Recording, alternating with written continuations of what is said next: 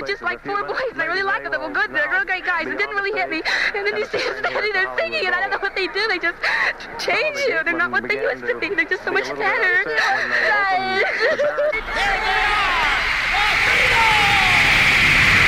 This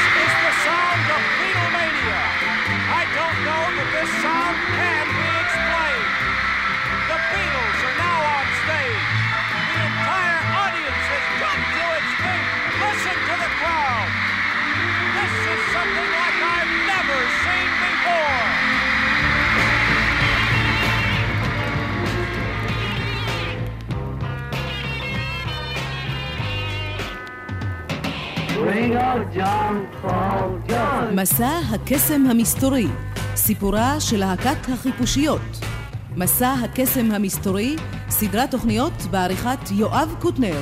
והיום הפרק ה-20, אני מדוכא, הופעות חיות בשנת 1965.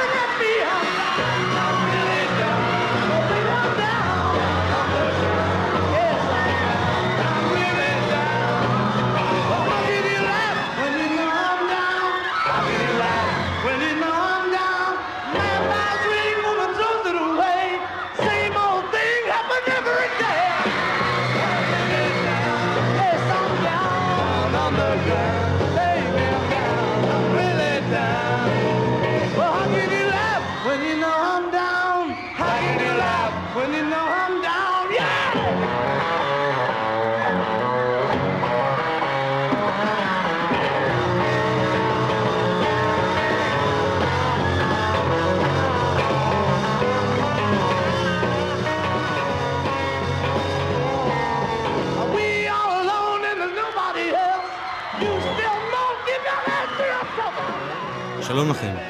לחיפושיות הייתה שנת 1965 חזרה על ההיסטריה של שנת 64, בצורה מוגזמת עוד יותר.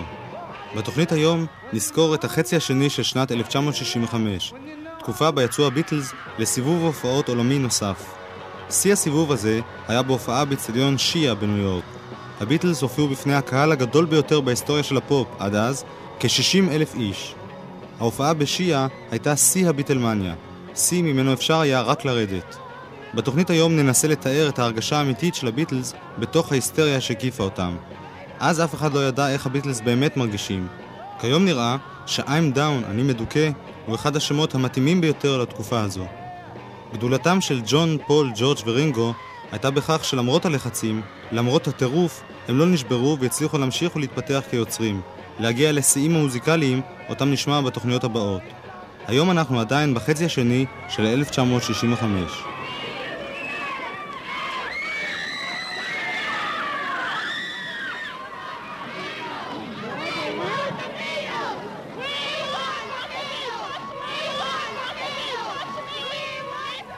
כולם, בכל העולם, רצו לראות את הביטלס, רצו לראות אותם בהופעה. אך הם, בגלל התעסקותם בהפקות אחרות, ובגלל הלחצים העצומים של סיבובי ההופעות, החליטו להגביל את הופעותיהם לסיבובים קצרים יחסית. התחלת הסיבוב העולמי ב-1965 הייתה ב-20 ביוני בפריס.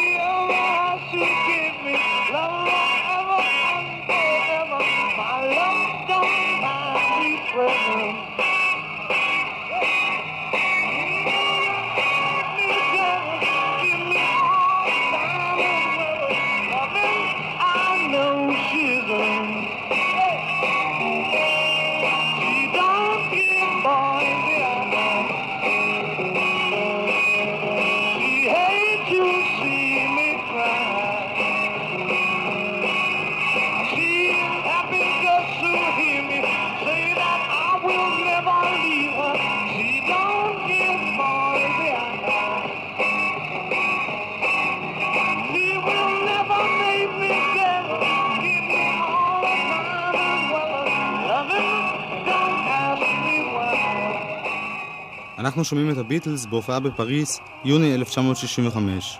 בצרפת נסעו הביטלס לאיטליה ולספרד, ותכננו לבוא גם לישראל, כפי שסיפר רינגו בתשובה לשאלת מראיין אמריקני שנה קודם לכן. Ringo Starr told us of their plans for next year. We go to Australia, and we go to Israel and um, South Africa next year, and we also have a holiday.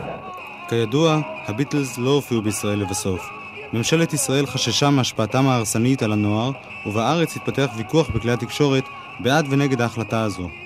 רמי דרומי, איש הפופ של ידיעות אחרונות, כתב אז כתבה נרגשת על התפרעויות בהופעות הביטלס, וסיים במילים הבאות: אין מה לומר, סיפורים כאלה ועוד רבים אחרים מעוררים בנו הרהורים נוגים. מה יקרה אם באמת ימלאו הביטלס את החלטתם ויגיעו לביקור בישראל?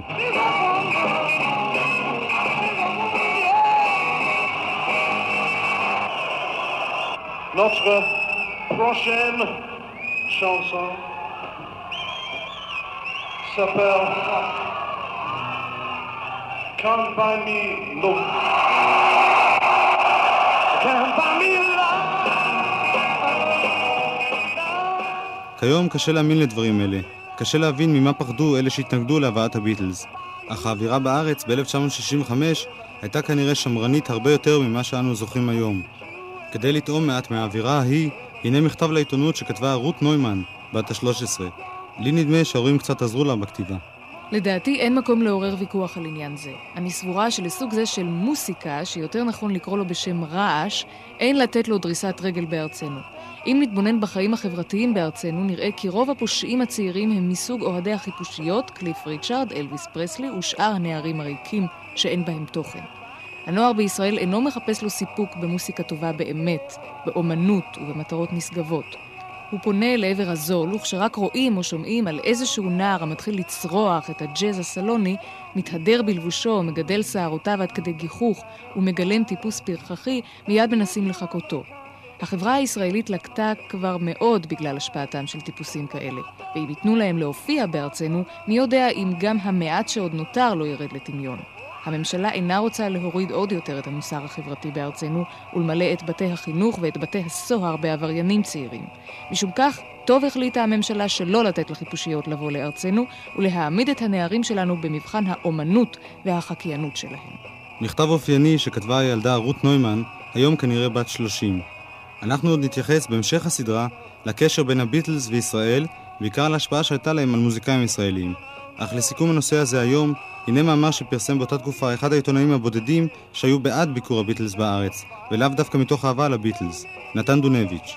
הוועדה הבין-משרדית לאישור הבאתם של אומנים ולהקות מחוץ לארץ החליטה שלא תרשה לחיפושיות לבוא לארץ. ועדת החינוך של הכנסת קיבלה את ההחלטה בסיפוק. מדוע בעצם הוחלט על האיסור? מסתבר כי הוועדה קבעה שיש במופעי הלהקה מיניות רבה וכי היא עלולה להשחית את הנוער. הוועדה הסתמכה על חוות דעת שקיבלה מפקידים בנציגויות ישראל בחו"ל. מאחר שאינני יודע מי הם אותם פקידים ומה הבנתם בעניינים אלה, קצת קשה להתווכח איתם, אך קל מאוד להתווכח עם הוועדה עצמה, כי החלטתה מושתתת על שתי טעויות יסודיות. ראשית, אין שום מיניות בתוכניות הלהקה. להפך, כמעט כל העיתונים משני עברי האוקיינוס ציינו את היעדר המומנט המיני במופעים אלה.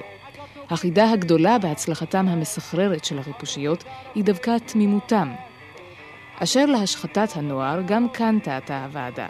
כי סוציולוגים ומחנכים, ובהם כתב עת לסוציולוגיה בבריטניה, קבעו כי מופעי הלהקה פרקו את המתח בערים וברבעים שבהם נערכו מופעים כאלה, וצוינה ירידה, ואפילו היא ארעית, בעבריינות הנוער המקומי. מאחר ששתי הנחות היסוד של הוועדה היו מוטעות, נשאלת שאלה אחרת. מדוע לא עיינו חברי הוועדה הזאת בעיתונים שסיפרו על הלהקה? מי שאינו יודע במה המדובר וקורא את הידיעה על האיסור הישראלי, עשוי לחשוב שמדובר במופע המגרה את קהלו לצאת לחוצות ולעלות על בית העירייה או על כל בניין בעל ערך דומה. באנגליה הבינו את החיוב במופעים אלה, ואישים כמו הארכיבישוף מקנטרברי, חברי בית המלכות, ראש הממשלה, סופרים ומשוררים, נפגשים עם הרביעייה ולימדו עליה סנגוריה. שגריר בריטניה בוושינגטון ערך לה קבלת פנים רשמית, אולם קרנגי נפתח לפניה. אנא, אל תטעו בכוונתי. אינני בא לומר שיש אומנות במופעים אלו, או מוסיקה מהנה. אולי ההפך מזה הוא נכון. אך אין בהם גם צביעות ושקרים מוסכמים. אם נתרגם את מושגי הלהקה למושגים ישראליים, נאמר שאין היא מזמרת שירים כגון שיר העגבנייה או שירי מולדת מזויפים, אלא פשוט צועקת, כן, צועקת. לא רוצים לישון, רוצים להשתגע. בכל זמן שאין היא עושה זאת בחוצות, ומדירה בכך את שנת התושבים, יבושם לה ולמאזיניה, שיתפרקו להם, מדוע לא? גם הצנזורה אינה יכולה למנוע את מופעי החיפושיות. אין זו פגיעה במדינה ידידותית או ברגשות דתיים. אין בהם תועבה, אין בהם אלימות. נתן דונביץ', 1965 הביטלס לא ביקרו בישראל, בארצות הברית לעומת זאת כן. באוגוסט 1965 הגיעה הלהקה שוב לארצות הברית, וכמעט כרגיל פתחה את הופעות שלה שם בהופעה בתוכנית הטלוויזיה של אד סליבן. ההופעה הוקלטה בפני קהל, וכשפול מקארט נשאר את יסטרדי, קרה דבר מוזר. הקהל רצה לצרוח, כמו שהיה רגיל לעשות, אבל יסטרדי הוא שיר שקט, שונה ממה שהביטלס עשו עד אז, והקהל המבולבל נאלץ להשתתק ולהקשיב. הוא חזר לצרוח רק בסוף השיר.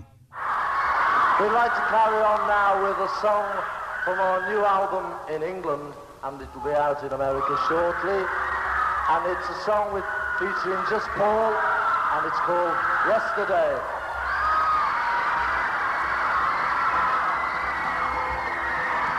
Yesterday, my troubles seem so far away. Now it looks as though they're here to stay. Oh, I believe in yesterday. Suddenly, I'm not half the man I used to be. There's a shadow hanging over me. Oh, yesterday came suddenly. Uh,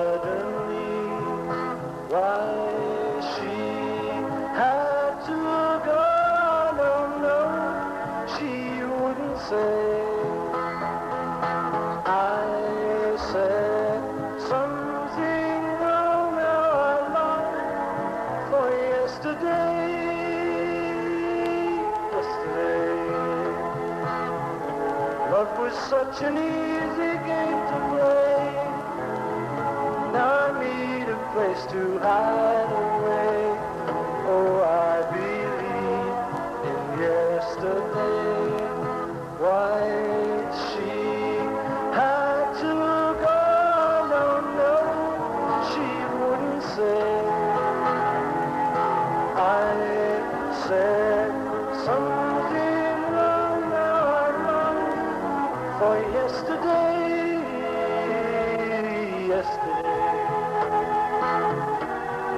Was such an easy game to play. Now I need a place to hide away. Oh, I believe in yesterday.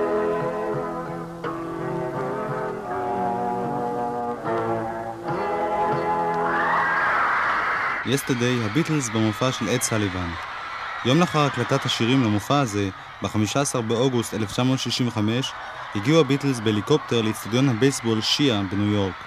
60 אלף המעריצים הצורחים שמילאו את יציעי האצטדיון, הפכו את ההופעה בשיאה להופעה הגדולה ביותר בתולדות הפופ עד אז.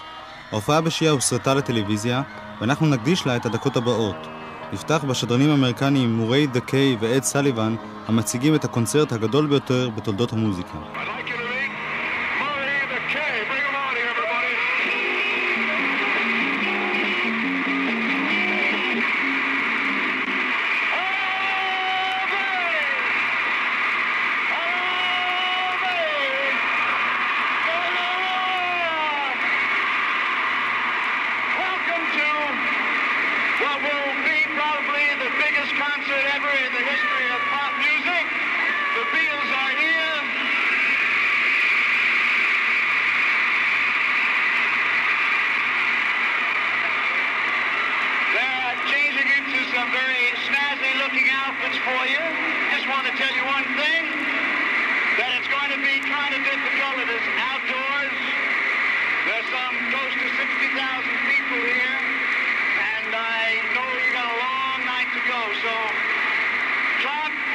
as much as you want, but whatever you do, take care of yourselves, don't get hurt, and go home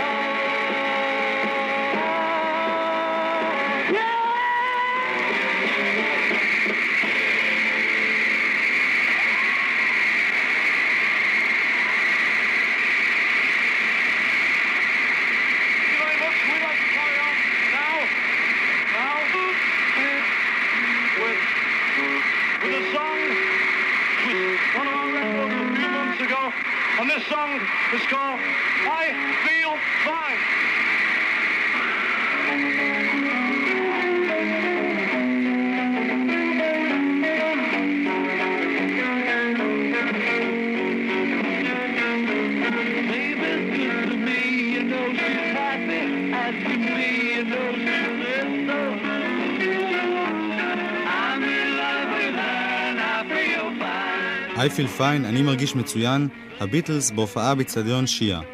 כזכור, סיפרתי בתוכנית I feel fine על הציניות בשם של השיר הזה. הביטלס הרגישו רע מאוד בהופעות, אך כלפי חוץ שיחקו בתפקיד ארבעת הצעירים המאושרים. הנה למשל, ג'ון לנון, בריאיון ב-1965, מתייחס להופעה בשיעה ולאלפיים אנשי הביטחון שנזכרו לשמור על הביטלס. It was pretty wild, isn't it? They're all great, you know, they're, they're all so near each other, it's hard to pick one out. But Shea was great because of its size and because it was organized well as well. זה היה באמת פראי. כל ההופעות היו גדולות. קשה לזכור כל הופעה כיוון שהן היו כל כך צפופות.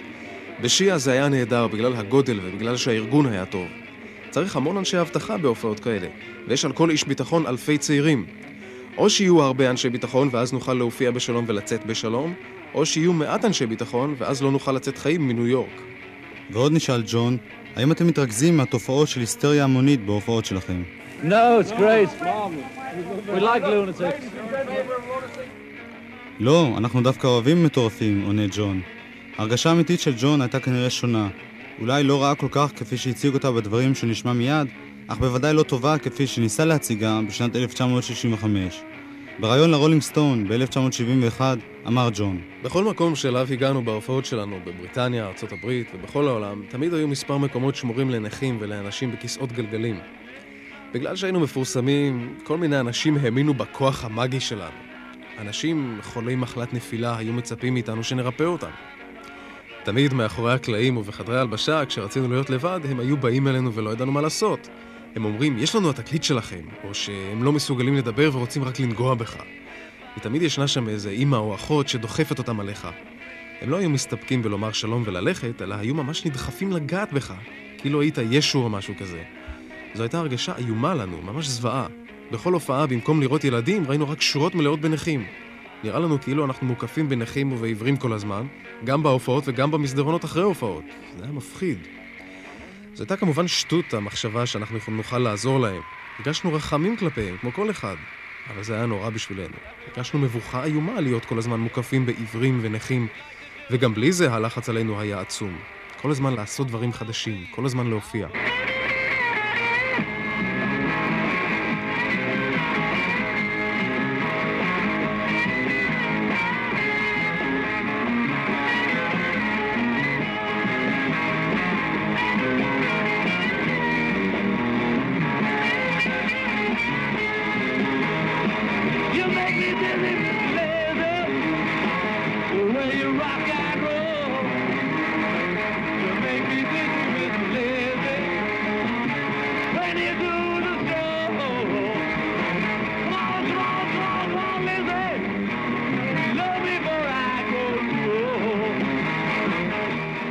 גישתו של פול מקארטני להופעות הייתה שונה מזו של ג'ון, ג'ורג' ורינגו. לפול היה קשה לוותר על ההופעות, ובמשך שנים רבות היה פול זה שדחף להמשיך ולהופיע. לחץ ההופעות, שכמעט ושיגע את ג'ון, ג'ורג' ורינגו, לא השפיע על פול במידה כה רבה. Uh,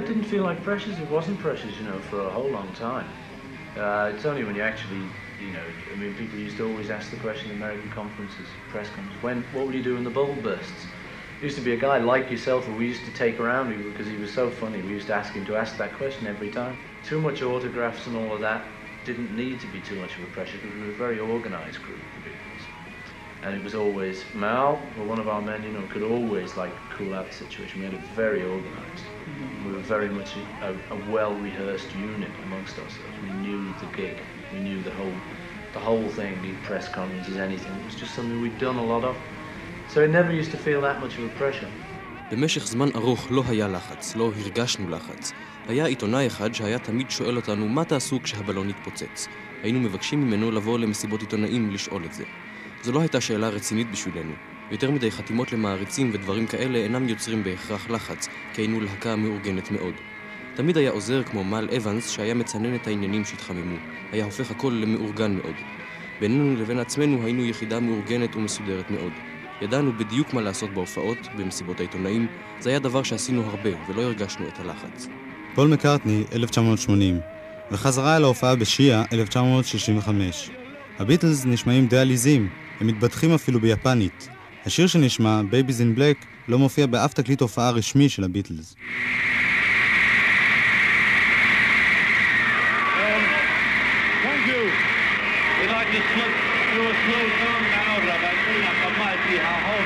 Go. And it's also off Beatles 6 or something. I don't really know what it's off. I haven't got it. it's a waltz, this one. Remember that. Anyway, the song's called Hopefully Enough. Ah, look at that. Ah. Ah. It's called Babies in Black.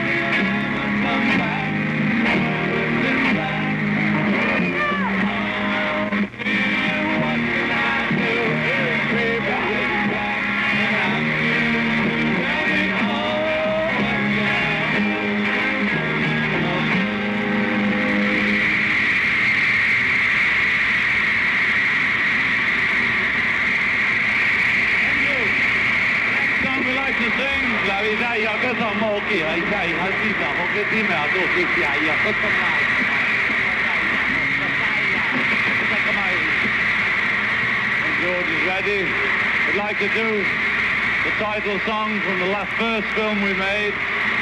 Remember that? The black and white one.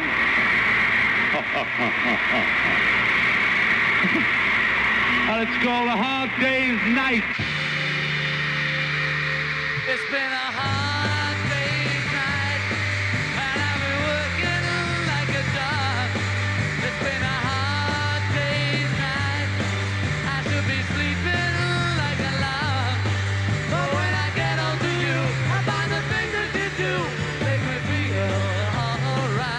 שוב ג'ון לנון, בריאיון ב-1971, מספר על סיבובי ההופעות.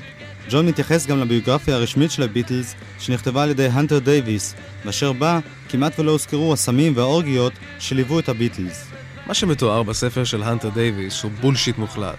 הוא לא תיאר שום דבר מאחורי הקלעים, הוא לא ידע את האמת. לא נכתב שם שום דבר על האורגיות ועל כל החרא שהיה בסיבובי ההופעות.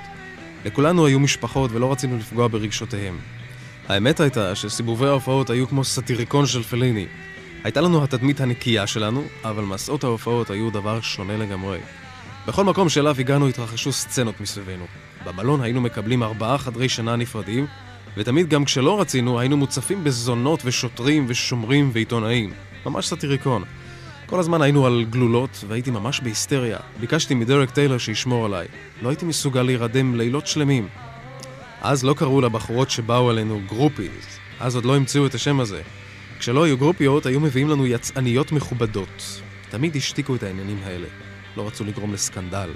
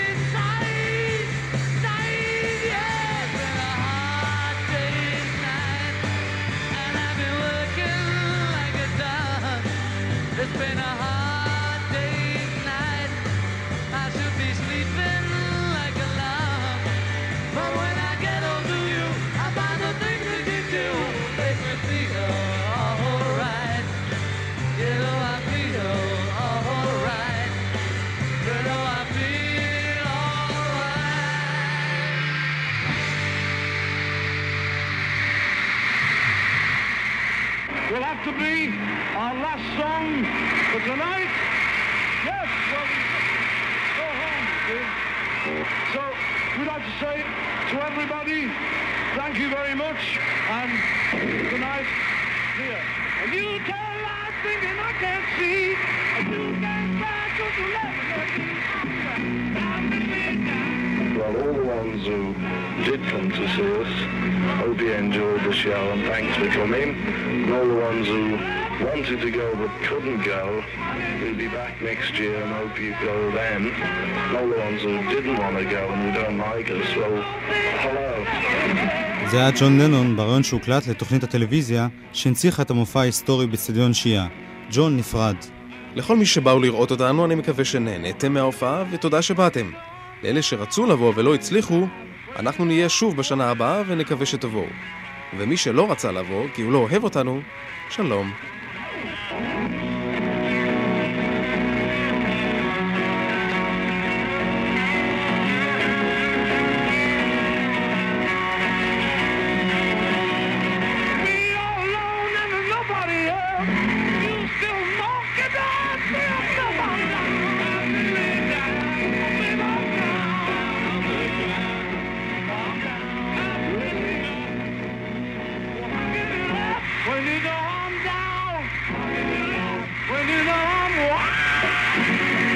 כאן קטעים מהמופע באצטדיון שיעה, 15 באוגוסט 1965. ההכנסות מההופעה בשיעה הסתכמו ב-300 אלף דולר. מתוך זה 30 אלף דולר הוצאו על שכירת האצטדיון, 14 אלף דולר שולמו לכוחות השמירה והאבטחה, הביטוח עלה 11 אלף דולר. סיד ברנשטיין המפיק של הערב קיבל 7,000 דולר, והביטלס עם בריין אפשטיין קיבלו את מה שנשאר, 160 אלף דולר. שיא עולמי חדש ברווחים ממופע מוזיקלי. תוכנית הטלוויזיה שהנציחה את ההופעה שודרה לראשונה ב-1 במאי 1966. ההופעות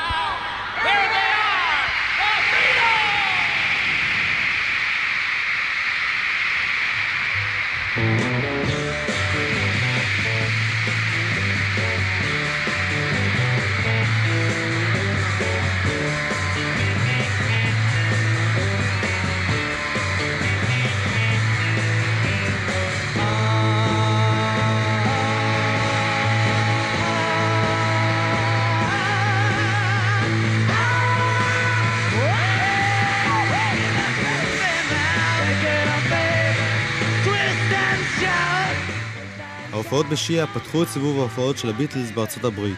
הסיבוב שלהם הפעם נמשך שבועיים. יום לפני סוף הסיבוב, ב-30 באוגוסט, הופיעו הביטלס שוב בלוס אנג'לס, בהוליווד בול. ההקלטות שנשמע בהמשך התוכנית הם מהמופע בהוליווד בול. הם יצאו בשנת 1977 בתקליט שחציו הוקלט בהוליווד בול ב-64, ואותו שמענו כבר, וחציו ב-65. היום נשמע את ההקלטות מאוגוסט 65, ולהזכירכם, ההקלטות כאן עברו שיפורים וניקויים שערך ג'ורג' מרטין.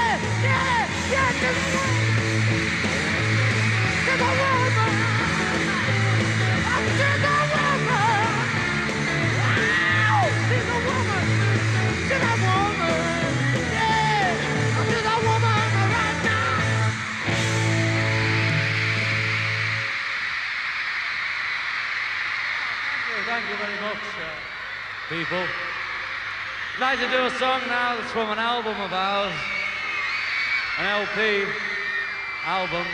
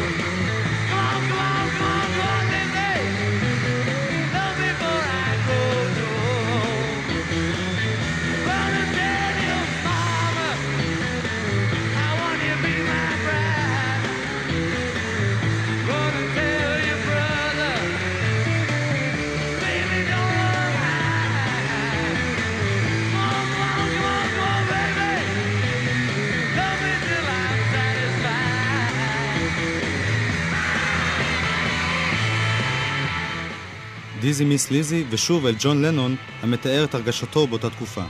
ככל שהפכנו לגדולים יותר, היה עלינו לעמוד בפני מצבים לא הגיוניים. כל הזמן ציפו מאיתנו ליותר, ואם העזנו לא ללחוץ יד לאיזו אשת סנאטור, מיד הייתה מתחילה לקלל ולצעוק איך אתם מעיזים וכדומה. אלה היו החוויות המשפילות ביותר שעברנו. ישבנו עם ראש העיר בבהאמאז, כשהסרטנו את הלפ, וכל הזונות מהמעמד הבינוני שחשבו שהגיעו למשהו בחיים ישבו שם, והעירו לנו על העבודה שלנו ועל ההתנהגות שלנו. אני הייתי תמיד שיכור והעלבתי אותם בחזרה. יכולתי לסבול את זה, זה, זה פגע בי, ממש שמעתי להשתגע. אנשים לא תופסים את זה, אבל להיות ביטל באותה תקופה, זה היה ממש משפיל. לא ידענו את זה מראש, אבל uh, לאט לאט הטירוף הזה מסביבנו החל להשפיע גם עלינו. כדי לעמוד בלחצים, אתה מתחיל להתנהג בדיוק כמו אנשים שאתה לא סובל, כמו אנשים ששנאת כשהיית בן עשר.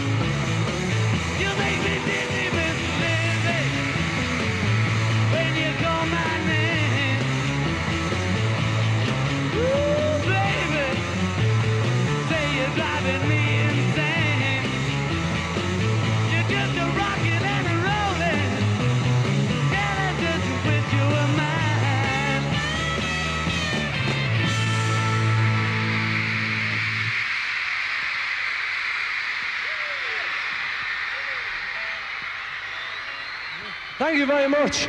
Thank you. Well, well. We'd like to sing. Well, well. We'd like to sing a song now. Can you hear me? Can you hear me? Yes. Good. Yeah, we'd like to sing a song which was our record before this last one. Hang on. He's Coming, he's coming. He is. No, no. Oh, well, well, this song is called A Ticket to Ride.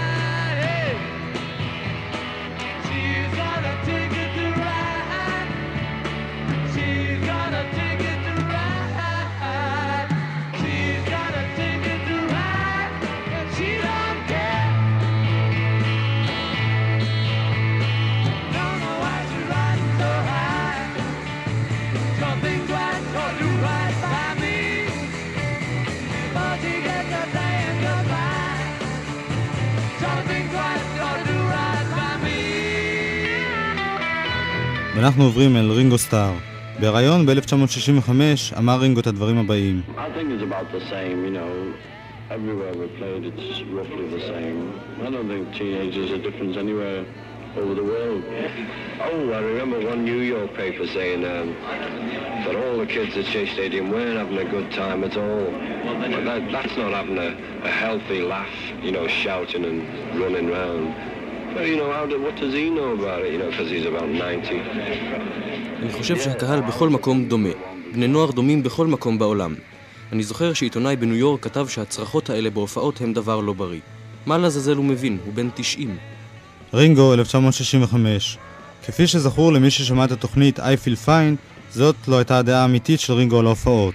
הנה שוב הדברים שהוא אמר ב-1970, אחרי פירוק הביטלס. It was the worst time and the best time in my life. I think the best time because we played a lot of good music and we had a lot of good times, and the worst time because it's not touring is never a pleasure. You know, just playing was always the pleasure, but what goes with it, you know, and especially for a group who was as big as us, where it was like 24 hours a day with no break, with press and people fighting to get into your room, you know, climbing 25 stories, knocking on your window. I mean, it never stopped, and that was the wasn't the good part of it. But the shows, no, I mean, no one ever complained about them. It was just that everything that went around us would have, if we'd have carried on, I, I personally would have gone insane. זו הייתה התקופה הרעה ביותר והטובה ביותר בחיי. הטובה ביותר כי ניגענו המון מוסיקה טובה והיו לנו זמנים טובים. והרעה ביותר כיוון שסיבובי ההופעות הם אף פעם לא מהנים. לא נגן זאת הנאה, אבל כל מה שבא עם זה, במיוחד ללהקה גדולה כמו שאנחנו היינו. זה היה 24 שעות ביום בלי הפסקה. עיתונות ואנשים נלחמים להיכנס לחדר שלך, מטפסים 25 קומות ודופקים לך בחלון, זה לא הפסיק לרגע, וזה היה החלק הרע בזה. ההופעה עצמה, על זה אף אחד לא מתלונן. רק מה שהלך מסביב, אם היינו ממשיכים הייתי משתגע. And you do too much touring, and in those days we only played 12 numbers, we got really stale as musicians. And you, can tell when you get stale, you know, you don't feel good. So then the shows tended to be off, but no one cared. No one knew if it was good or bad. You know, we'd do the same show in two towns. One, we'd come off feeling good, and one would come off feeling bad, but we'd get the same reaction to both shows. No one would know the difference for us. Well, you feel like, what am I doing? You know, I'm playing the biggest load of shit in the world, and people are standing and cheering, isn't good for you. כשאתה עושה יותר מדי הופעות, ובאותם ימים היינו מנגנים רק 12 שירים בהופעה, אתה נתקע כמוזיקאי. אתה מרגיש שמוזיקאי אינו מתפתח. אתה לא מרגיש טוב וההופעות לא טובות, אבל לאף אחד זה לא היה אכפת. אף אחד לא ידע אם זה טוב או רע. היינו מופיעים בשתי הופעות, אחת טובה ואחת איומה, והיינו מקבלים את אותן תגובות לשתי ההופעות. זה גורם לך להרגיש מה אני בכלל עושה פה. אני מנגן חרא ואנשים עומדים ומריעים.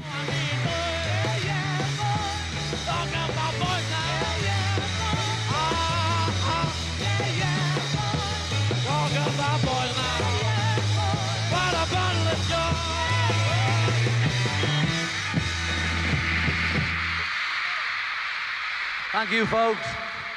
The next song, Hard Day's Night. It's been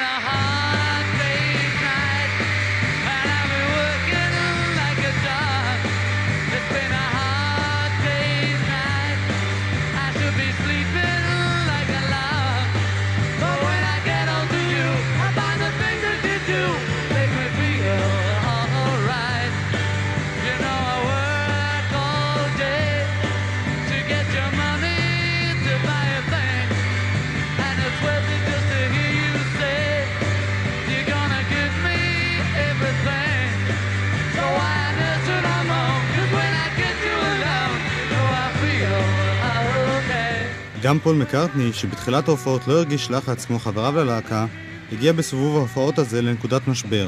הוא סיפר. אני זוכר את ההרגשה שהייתה בזמן סיבובי ההופעות הגדולים באמריקה. בהתחלה היו אלה ג'ורג' וג'ון שהרגישו לא נוח, ואני חשבתי שאי אפשר להפסיק להופיע, שאסור לנו להפסיק להופיע. אבל במשך סיבוב ההופעות אני ממש שנאתי את זה, ואמרתי לעזאזל, איך אפשר להמשיך ככה? אני זוכר הופעה אחת, זה היה ביום גשום, ובמשך כל ההופעה פחדנו שנהרג ממכת חשמל. אחרי ההופעה פינו אותנו במשאית ענקית, וישבנו בקור במשאית וחשבנו, לעזאזל, זה מטופש. ידענו שנצטרך להפסיק להופיע, אבל לא רצינו לעשות מזה עניין גדול. לקח לנו הרבה זמן להודות בכך, והרבה זמן עבר עד שבאמת הפסקנו להופיע. פול מקארטני. למעשה, לא היה סוף ההופעות של הביטלס רחוק כל כך. כשהם חזרו לאנגליה בסוף אוגוסט, הודיעו לבריין אפשטיין שזהו זה, אין להם כוח להמשיך ולהופיע. בריין הנדהם שכנע אותם לצאת לסיבוב קצר באנגליה בדצמבר. הביטלס, ביחד עם עוד להקות, ביניהם המודי בלוז, הופיעו תשע פעמים בתחילת דצמבר. ההופעה האחרונה שלהם בסיבוב הזה, ב-12 בדצמבר 1965, הייתה למעשה ההופעה הרגילה האחרונה בבריטניה, למרות שאיש לא ידע זאת אז. בשנת 66 הופיעו הביטלס עוד פעם אחת בקונצרט מיוחד של ה-New Musical Express, ובלחצו של אפשטיין הסכימו לצאת גם לעוד חודש של הופעות בעולם.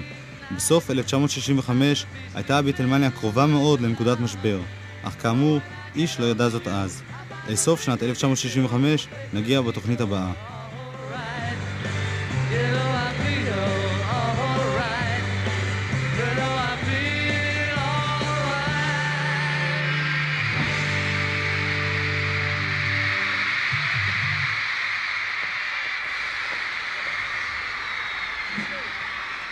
Thank you very much, everybody. Thank you very much, everybody. Thanks a lot, Paul.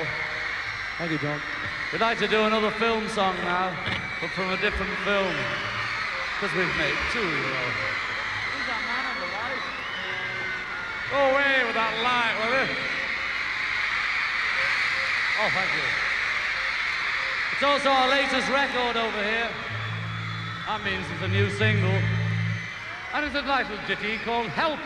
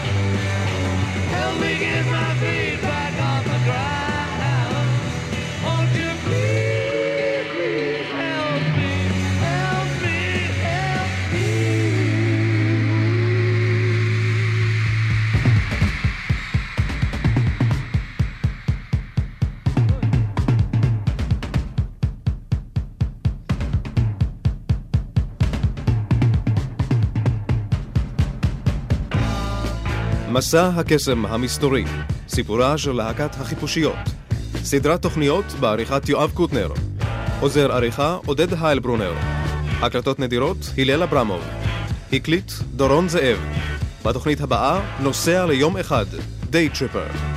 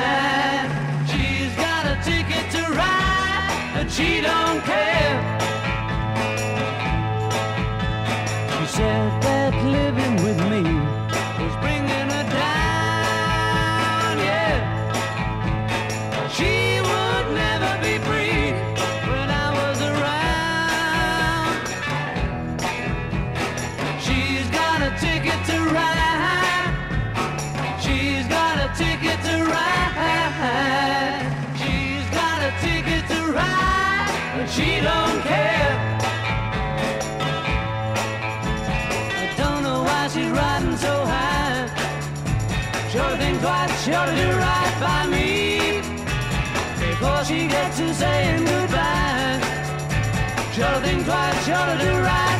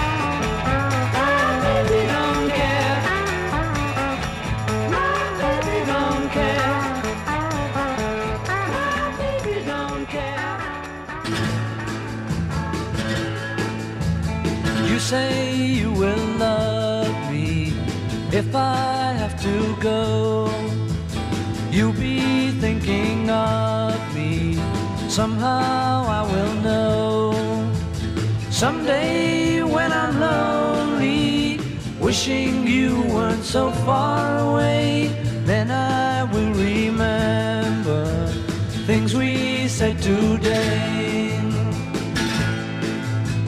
You say you'll be mine, girl, till the end of time. These days, such a kind girl seems so hard to find. Someday, in love, not a lot to say, then we will remember things we said today. Me, I'm just the lucky kind. Love to hear you say that love is love. And though we may be blind, love is here to stay, and that's enough to make you mine, girl. Be the only one. Me all the time, girl. We'll go on and on. Someday when we're dreaming, deep in love, not a lot to say, then we will remember things we said today. Me, I'm just the lucky kind. Love to hear you say that love is love, and though we blind, love is here to stay, and that's enough to make you mine, girl. Be the only one. Love me all the time, girl. We'll go on and on. Someday when we're dreaming, deep in love, not a lot to say, then we will remember we said today.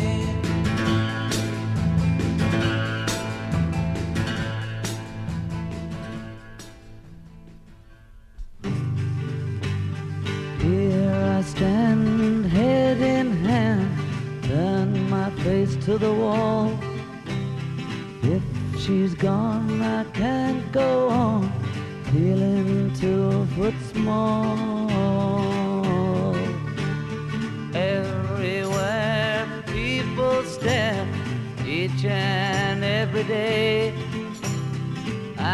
can see them laugh at me, and I hear them say,